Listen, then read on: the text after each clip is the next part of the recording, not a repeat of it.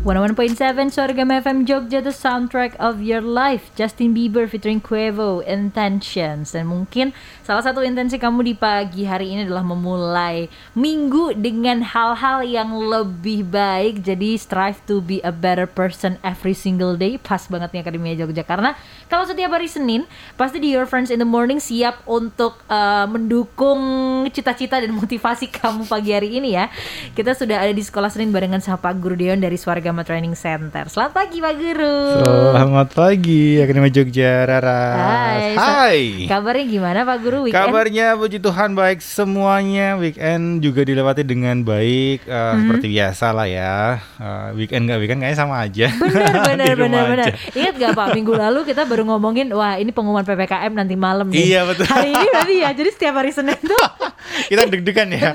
Perpanjang atau enggak? Bener nih perpanjang atau enggak. Walaupun memang ya kalau ngomongin sedikit sedikit tuh hmm, kasusnya tuh sebenarnya udah rada menurun, cuman yeah, masih yeah. fluktuatif juga betul, sih ya. Betul, so inilah pentingnya juga untuk kamu selalu jaga kesehatan Akademia yeah, Jogja, yeah, yeah, apalagi betul. di masa-masa kayak sekarang nih yang udah susah su susah banget buat keluar rumah, itu tuh mungkin buat kamu yang emang tadinya sebelum keluar rumah itu udah udah kamu penat banget sama kerjaan kamu, hmm. makin penat lagi nih selama masa PPKM atau selama kamu work from home. Pas banget kayak tema kita di pagi hari ini kita lagi ngomongin soal soal I hate my job.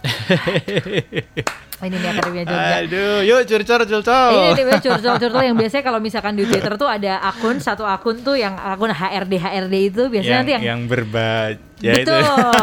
itu nanti biasanya curhatnya pakai yang anon-anon, pakai anon, fake anon, account, anon, fake betul, account betul, kayak gitu. betul, Nah, betul. siapa tahu pagi hari ini kamu pengen sambat-sambat soal kerjaan kamu, uh, boleh banget uh, cita-cita sama kita ya ke 0811 250 1017. Ngomongin soal I hate my jobs nih, Pak Yes. Guru. Pak Guru pernah nggak sih ada di posisi yang sama?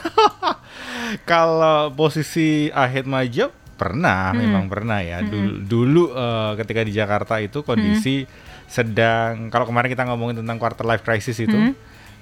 mungkin itu barengan kali ya. Hmm. Jadi barengan eh, quarter life crisis plus juga eh, barengan kayaknya pekerjaannya kok sudah tidak aku banget gitu. Oke, oke. Sehingga terus kemudian eh, ya benci dengan pekerjaannya walaupun ternyata sebenarnya Hmm. Nggak juga benci gitu loh. Hmm, Cuman karena waktu itu kayak stereotype, oh berarti model kayak gini kayak ini aku benci dengan dengan kerjaanku nih, dengan karirku nih, aku harus keluar segala macam. Hmm, hmm. Nah akhirnya keluar dan yang dan kemudian yang terjadi adalah penyesalan sih. Hmm, hmm, Makanya eh, sebelum kita memutuskan I hate my job, benerkah kita bener-bener hate Heeh. atau ada faktor lain nih yang kemudian da- apa namanya dengan dengan apa judgmental kita, oh berarti aku pekerjaanku yang jelek yang aku harus Ah. keluar gitu. Ha, ha, ha, ha. Karena Rara setuju sih bisa jadi cuman kayak sebenarnya kamu tuh suka sama pekerjaan itu dan kamu tuh sebenarnya baik dalam melakukannya tapi mungkin ada yang kayak kamu gak suka sama lingkungan kerjanya, Iya. kamu gak suka sama atasannya, kayak Bener, gitu. Beda, bener. bukan yang bener-bener ke- pure karena pekerjaan itu gitu loh Mm-mm, Akademia mm-mm. Jogja. Sebenarnya faktornya juga banyak juga ya Pak Guru banyak ya berarti banget, ya. banyak banget. Dan sebenarnya ad- kalau misalnya kita tahu faktornya, kita bisa beresin faktornya, Mm-mm. Akan baik-baik saja gitu loh. Benar benar Nggak benar terus benar. kemudian eh, resign apalagi dal- dalam kondisi kayak gini kan eh, pekerjaan itu kan sesuatu yang sangat berharga ya. Betul. Banyak eh, teman saudara kita yang kemudian di PHK, eh, di apa namanya dirumahkan segala macam karena kondisi perusahaannya yang tidak baik. Hmm, hmm, hmm. Dan kemudian kita yang masih bekerja terus kemudian ngedumel dengan kerjaan, kok kayaknya kurang etis ya. kurang etis gitu loh. Eh, Cuman ada ada ada apa namanya ada baiknya juga sebenarnya. Hmm. Jadi gini, eh, biasanya kan kalau kita ngeluh, eh, kok, kok kerjaan gua gini, Hmm. terus kemudian teman kita ngomong, eh kamu tuh bersyukur loh masih punya kerjaan tuh yang lain nggak nggak Hmm. ada kerjaan, terus akhirnya kita, oh iya iya bersyukur ya. Tapi sebenarnya kita sedang kondisi nggak baik-baik saja gitu loh. hmm, Dan karena kondisi terus kemudian kita dipaksa untuk bersyukur dan menerima.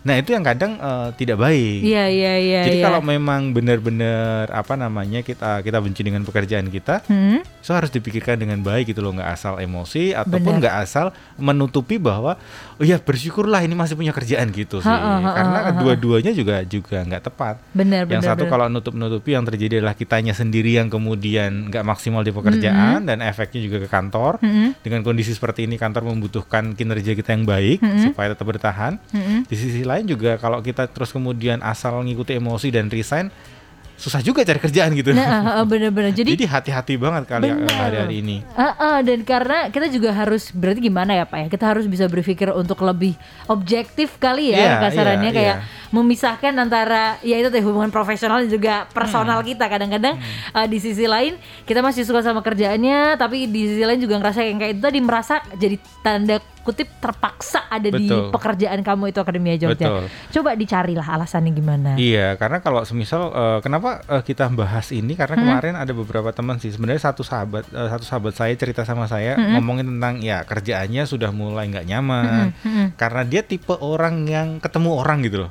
tipe ketemu orang. Jadi ke kantor tuh kayak refreshing buat dia. Oke, I Terus kemudian karena kondisi pandemi ini kan dirumahkan, Hmm. bukan dirumahkan di di PHK nggak, tapi work from home. Mm-mm. Jadi dia masih dapat gaji segala macam. Dia Ah. kerjanya dari rumah. Ha-ha. Dan yang terjadi adalah dia dia semakin stres karena di rumah nggak ada siapa. Ya, dia belum menikah, dia belum dia eh, jauh dari keluarga, jadi cuma di kosan. Iya, iya, terus iya, iya. Dan ketika mau ke kantor juga nggak boleh gitu. Iya, yang terjadi dia dia stres, stres berat gitu. Dan kemudian dia kayak mau keluar aja dan eh, cerita sama saya sih.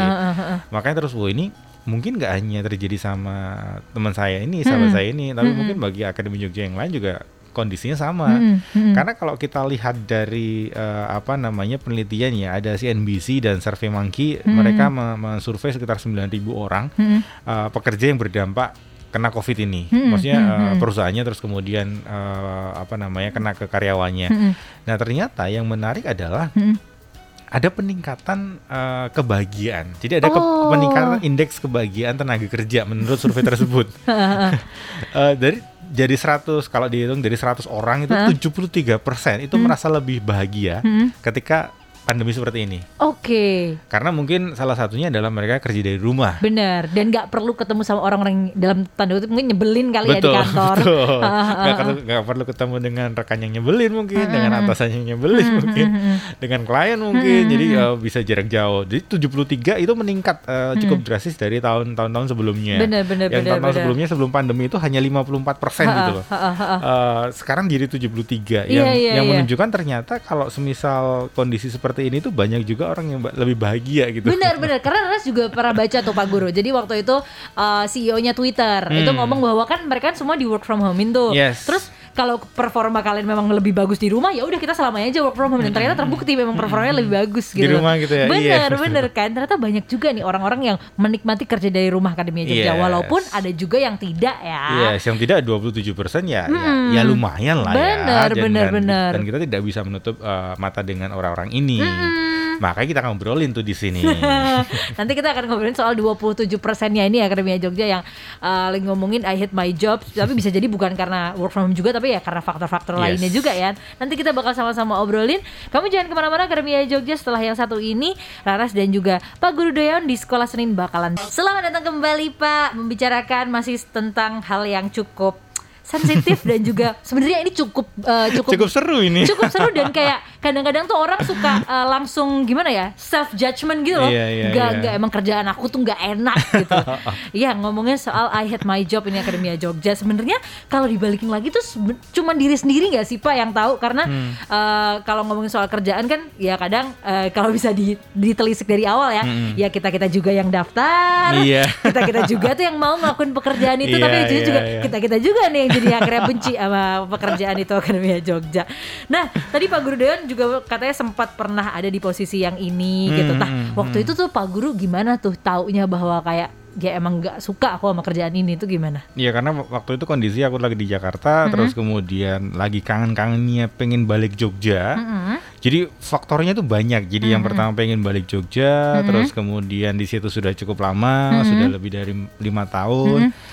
Terus kemudian eh, pekerjaannya eh, repetisi, jadi mengulang terus, jadi eh, tidak ada tantangan baru. Mm-mm. Jadi faktornya banyak. Terus Mm-mm. kemudian akhirnya dan waktu itu banyak teman yang eh, mencoba untuk berwirausaha Oke. dan kayaknya seru gitu loh Hmm. lihat, wih seru ya punya kafe, Hmm. punya eh, apa namanya resto segala macam Ha, lah. ha, ha. Terus jadi ah aku harus pulang ke Jogja buat kafe, buat resto dengan konsep Jakarta. Hmm. Karena waktu waktu itu aku pikir aku sudah cukup lama di Jakarta, sudah Hmm. ngerti gimana Hmm. konsep resto ataupun kafe di Jakarta gitu. Hmm, Yang di hmm, Jogja hmm. waktu itu belum seramai sekarang. Iya. Dan ya sudah, terus akhirnya memutuskan untuk resign dan ternyata eh, salah. Tapi ya namanya juga pengalaman Namanya gitu ya, juga Pak. pengalaman. Iya iya iya. Terus kalau misalkan nih sekarang tuh ada yang sedang mendengarkan nih Pak Hmm, Guru hmm. dan dia ngerasa oh iya ya jangan-jangan aku tuh nggak bener-bener benci sama kerjaanku Ya, nggak ya. bener-bener nggak bener-bener nggak suka gitu sama kerjaanku tuh masih bisa dilakukan nah itu gimana sih caranya untuk membedakan atau gimana sih ciri-cirinya supaya tahu bahwa ya memang aku emang udah nggak cocok aja di kerjaan ini gitu Oke, eh, jadi melihat eh, apa namanya ada simptom atau ada tanda-tanda yang terjadi nggak ya gitu ya? betul betul Siapa tahu eh, ini bukan bukan benci tapi ini karena ini cuma bosan aja gitu ya. Oke, sebenarnya ada ada beberapa apa namanya tanda atau ciri-ciri di mana Anda sudah benci atau sudah mulai tidak nyaman dengan pekerjaan Anda. Heeh. Yang pertama adalah eh, kalau biasanya orang eh, I hate Monday. Betul ya. Kalau ini nggak ngomongin I hate Monday, ternyata ada sat- satu satu sindrom yang namanya sindrom eh, malam malam Senin. Jadi sindrom malam malam Senin. Jadi minggu malam kan, malam Senin. Jadi bukan Senin paginya, tapi malam Seninnya. Jadi malam Senin atau eh, minggu malam itu sudah sudah apa namanya sering berpikir, aduh besok sudah Senin dan kenapa weekend cepat sekali gitu loh. Jadi dua dua faktor yang itu eh, apa namanya harus dilihat. Minggu apa namanya eh, weekendnya kok cepat sekali, Sabtu Sabtu Minggu kok cepat cepat sekali, terus kemudian kok besok udah Senin lagi gitu. Nah itu namanya sindrom eh, malam Senin. Jadi kalau kita sudah sering mengalami itu, itu jadi tanda-tandanya itu. Oh kayak dulu tuh Ras pernah ngalamin tapi waktu zaman SMA sih pak Hmm. Kayak aduh udah Senin lagi besok gitu Lebih malas bangun paginya upacaranya gitu-gitu sih Oke. gitu Jadi bukan benci pekerjaan tapi benci sekolahnya. I hate school. School. Lanjut lanjut pak Oke, terus kemudian yang kedua adalah ciri-ciri yang terjadi adalah muncul eh, sakit fisik baru. Wah ini nih Jadi Ini nih contoh sakit fisik itu bukan kemudian sakit yang berat enggak juga ya. Jadi contoh eh, yang dulunya pundaknya nggak apa-apa tapi kok sekarang jadi sering sering apa namanya sakit, sering Pegel-pegel, terus dulu punggungnya baik-baik saja kok kali ini kok jadi duduk sedikit aja udah udah langsung nggak enak segala Iya, iya. macam, kakinya kram atau apa pun lah. hmm. Jadi coba lihat eh, apa namanya hari-hari ke belakang ini ada nggak fisik fisik kita yang kemudian jadi sakit Hmm.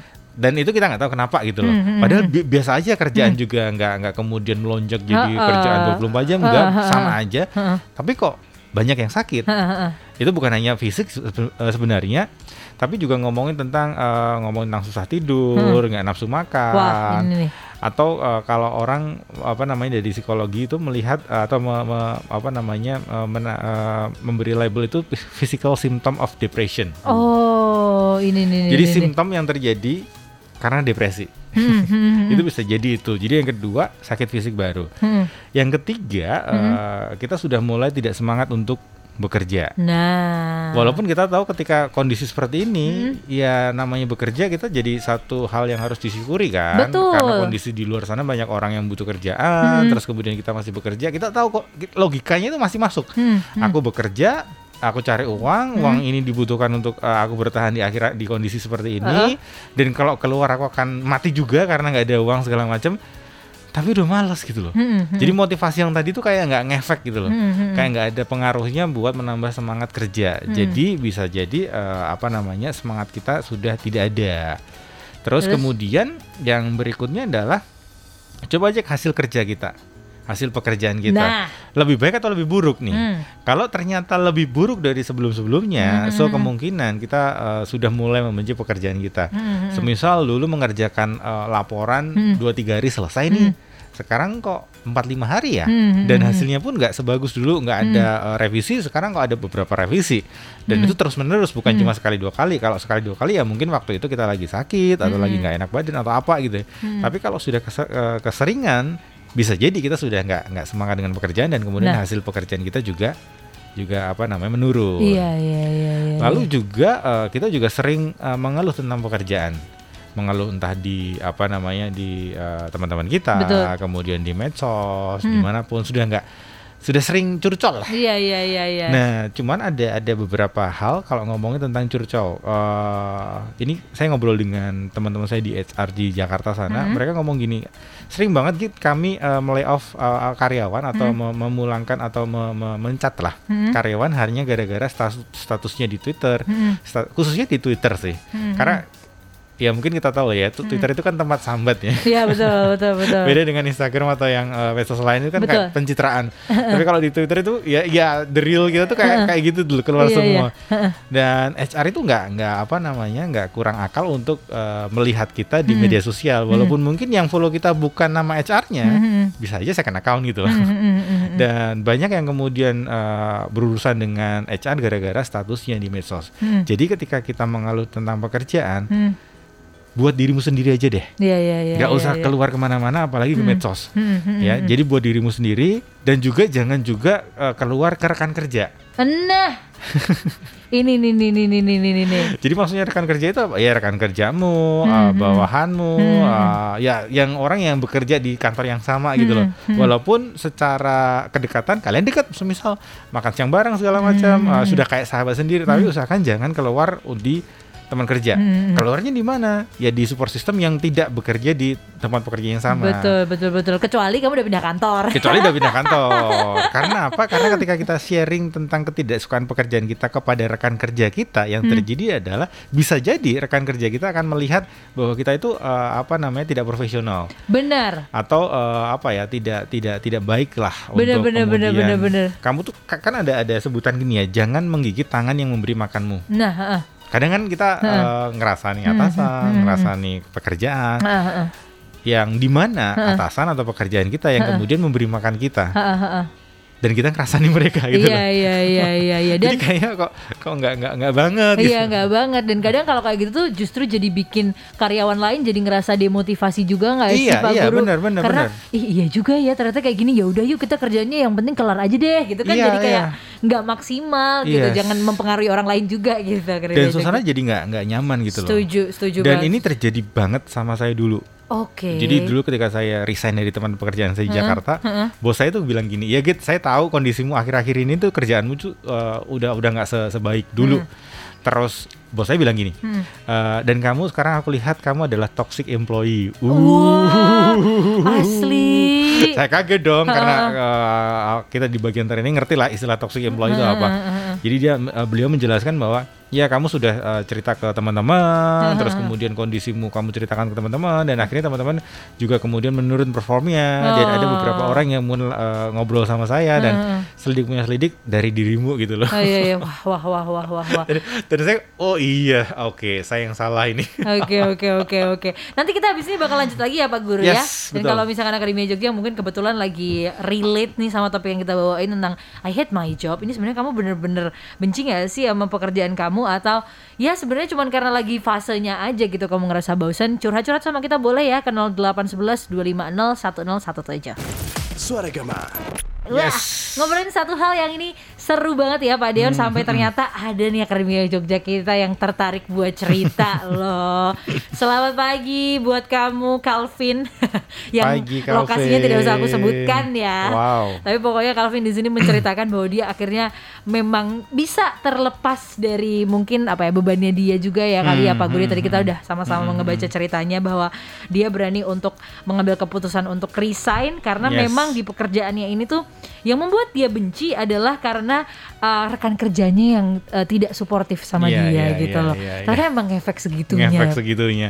Pastilah. Apalagi apalagi tadi kalau dengar cerita si Calvin, ya memang eh, kalau saya ada di posisi dia ya dengan kondisi seperti itu, ya saya akan segera resign sih. Bener bener bener. Dan untungnya Calvin juga sudah punya backup plan yang Iya, lumayan ya. Yes, betul. Makanya tadi ketika semisal kita merasa sudah benci dengan pekerjaan kita, jangan keburu nafsu untuk segera resign. Bener bener bener. Nah, mungkin kita besok minggu depan kita akan bahas tentang gimana memanage resign kita tuh. Kayaknya seru itu. Bener banget Akademia Jogja. Jadi nggak asal keluar terus keluar kita domblong ngapain, Bener, ngapa bener, mau ngapain bener, dan bener. bingung gitu loh.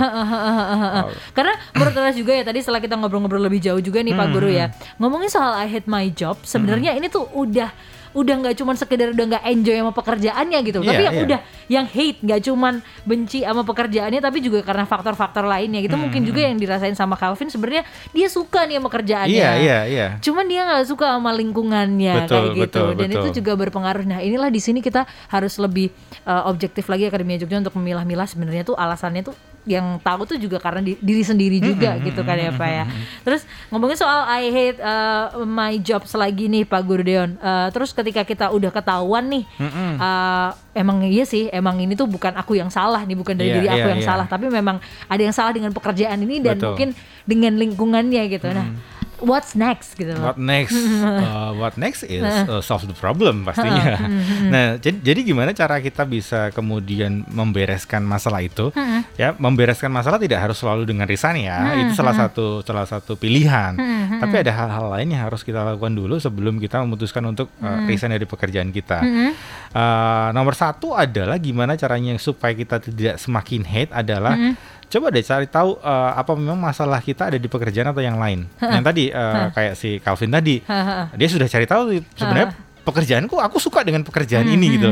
Tapi karena ada rekan kerja atau lingkungan yang tidak nyaman segala macam atau mungkin uh, kalau misal anak-anak baru nih, ini biasanya terjadi ke, uh, ke- uh, sama uh, fresh graduate terus kemudian baru bekerja dan baru satu dua bulan merasa aku benci dengan pekerjaanku. Stop dulu, bisa jadi karena memang apa namanya suasana baru, kantor baru, orang-orang baru, atasan baru, culture baru, budaya baru Nah, yang membuat kita merasa nggak nyaman. benar benar Tapi benar. itu itu sebenarnya bukan bukan I hate my job, tapi memang kondisi yang sedang uh, adapt- uh, adaptasi kita sedang Betul. melakukan adaptasi. Belum memang adjusting aja belum ya. adjusting aja, Ha-ha. jadi kita merasa merasa nggak nggak nyaman. Hmm, jadi hmm. sabar dulu, cari tahu dulu, bener nggak. Terus kemudian kalau sudah tahu, detailkan masalahnya. Hmm, Maksudnya detailkan masalahnya itu apa? Semisal aku benci dengan atasanku.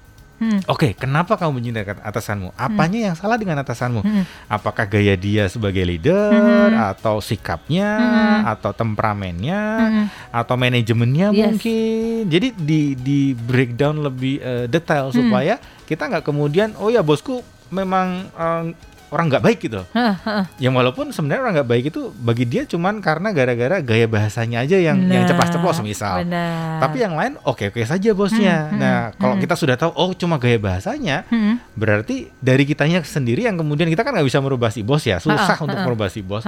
Yang bisa kita lakukan adalah ya wes nggak usah ambil bahasanya, ambil maknanya aja. Benar. Jadi semisal ini kerjaanmu gimana sih? Gitu aja nggak bisa. Hmm. Oh kayaknya uh, kok, kok gitu aja nggak bisa. Ini kan Hmm. kerja keras. Hmm. Nggak usah diambil bahasanya, Hmm. nggak usah diambil diksinya, tapi oh ini bos bosku meminta Hmm. aku lebih disiplin. Benar. Oh bosku uh, pengen laporannya lebih bagus. Benar. Git- itu sih yang diambil. Jadi semakin kita tahu detail masalahnya, semakin kita bisa beresin dengan dengan oke gitu. loh. Benar-benar benar dan berdasarkan yang disampaikan oleh Pak Gurdeon berarti memang kita juga harus punya rasa ya paling tidak toleransi juga kali ya Iya, Pak ya iya, untuk membangun oh paham juga gitu sama Hmm, kondisi hmm, orang hmm, lain. Ya, hmm, I see, I see. Terus Pak, terus Pak. Benar. Jadi ketika sudah mendetailkan masalah, coba deh uh, apa namanya kalau semisal si bos tadi uh, apa namanya nggak nggak nyaman dan kita sudah tahu bahwa gaya bahasanya yang ceplas-ceplos. Hmm, Uh, selain itu coba deh lihat sesuatu yang positif dari si bos tadi. hmm. Karena bisa jadi kita fokus kita selama ini kenapa kita nggak suka dengan pekerjaan karena kita nggak mau ketemu si bos gitu loh. Nah, Nah makanya dari itu coba deh dilihat ada nggak sisi baik dari si bos Ha-ha. yang kemudian kita bisa fokus ke situ saja daripada benar, benar. hanya fokus ke gaya bahasanya yang yang nggak oke gitu loh. iya iya iya iya. Ini adalah tips untuk gak benci-benci amat sama orang gitu kan. Iya, gitu, iya. Karena seburuk-buruknya tuh pasti ada sisi Pasti baiknya. ada sisi baiknya. Benar benar Dan benar. ketika benar. kita bisa melihat sesuatu yang oke dari bos kita, kita jadi bisa belajar nih, Nah. semisal untuk next job kita atau next uh, company kita, Hmm, cari yang bos yang uh, sesuai dengan apa kita inginkan gitu loh. Hmm, Ya bu- walaupun memang kita nggak bisa kenal dengan bos secara langsung, Benar. tapi kan ada sebuah penelitian yang mengatakan, nah ini berikutnya adalah ngomongin tentang siapkan safety net. Hmm. Safety net itu uh, apa namanya? Ketika kita keluar jangan kemudian kita nggak nggak ada nggak ada pengaman sama sekali. Hmm, Ya minimal harus sudah ada pekerjaan baru lah. Betul, nah pekerjaan betul. baru ini ada sebuah penelitian ternyata 60% dari pekerjaan baru kita itu ditemukan oleh network kita. hmm, Jadi ada kekuatan orang dalam di sini. hmm, hmm. Jadi kalau kita belum punya network, bangun network kita sekarang Yes. sebelum kita keluar. Supaya Nah. apa? Supaya kita ngerti, eh, supaya kita bisa dapat eh, apa namanya jalan berkat berikutnya gitu. loh. betul betul. Dan ketika kita tahu, semisal aku mau ngelamar di, eh, semisal di Radio X gitu, Hmm. dan Raras kerja di situ, Hmm. dan eh, ada lowongan yang aku pas banget di situ, aku bisa tanya dulu ke Raras, Ras, bosmu gimana? Hmm. ABC ini nggak, kayak gini nggak, kayak gitu nggak? Jadi kita sudah punya standar khusus nih. Nah. Nah, kalau kita sudah punya standar khusus, jadi lebih enak menentukan. Betul betul betul. Terus yang terakhir Yes. yang menariknya adalah ketika kita sudah mulai benci dengan pekerjaan kita, coba deh ada baiknya juga kita putar balik atau putar arah dalam arti gini, putar arah itu balik ke pekerjaan kita yang lama gitu loh. Ah. Semisal nih, let's say Ah. uh, Raras selesai di uh, Soragama, Hmm, terus hmm. kemudian mencoba sesuatu yang baru, Hmm. dan ternyata sesuatu, sesuatu yang baru tuh nggak nyaman tuh, nggak hmm. oke, dan Raras bilang kayaknya enakan dulu deh, nggak ada salahnya juga balik ke sini gitu loh. Oke, oke, oke, oke. Mantan aja bisa balikan, Nah. apalagi pekerjaan. Nah, Makanya di sini ada satu istilah yang uh, selama ini aku hidupi adalah uh, ngomongin tentang don't burn your bridge. oke. Jadi ba- jangan bakar jembatanmu.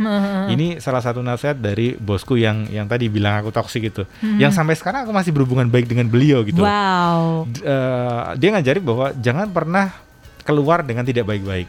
Oke. Karena siapa tahu apa namanya jalan berkatmu itu masih sama perusahaan yang lamamu gitu loh. Nah, Dan itu banget. terjadi banget sama aku. Peke- eh, semua perusahaan yang pernah aku bantu sampai sekarang aku masih berhubungan baik dan sering banget dapat proyek dari mereka. Nah, ini nih Akademia Jogja. Don't burn your bridge ya. Yes. Jangan pernah kamu uh, membakar jembatan sendiri karena itu tadi seperti kata Pak c- siapa tahu jalan berkat kamu di sana Iya, gitu. Jadi iya. inilah berkesinambungan dan minggu depan kita bakal ngobrolin soal manajemen resign. Yes, seru Gimana nih caranya supaya tidak membakar jembatan Supaya kamu? tidak itu? makan jembatan.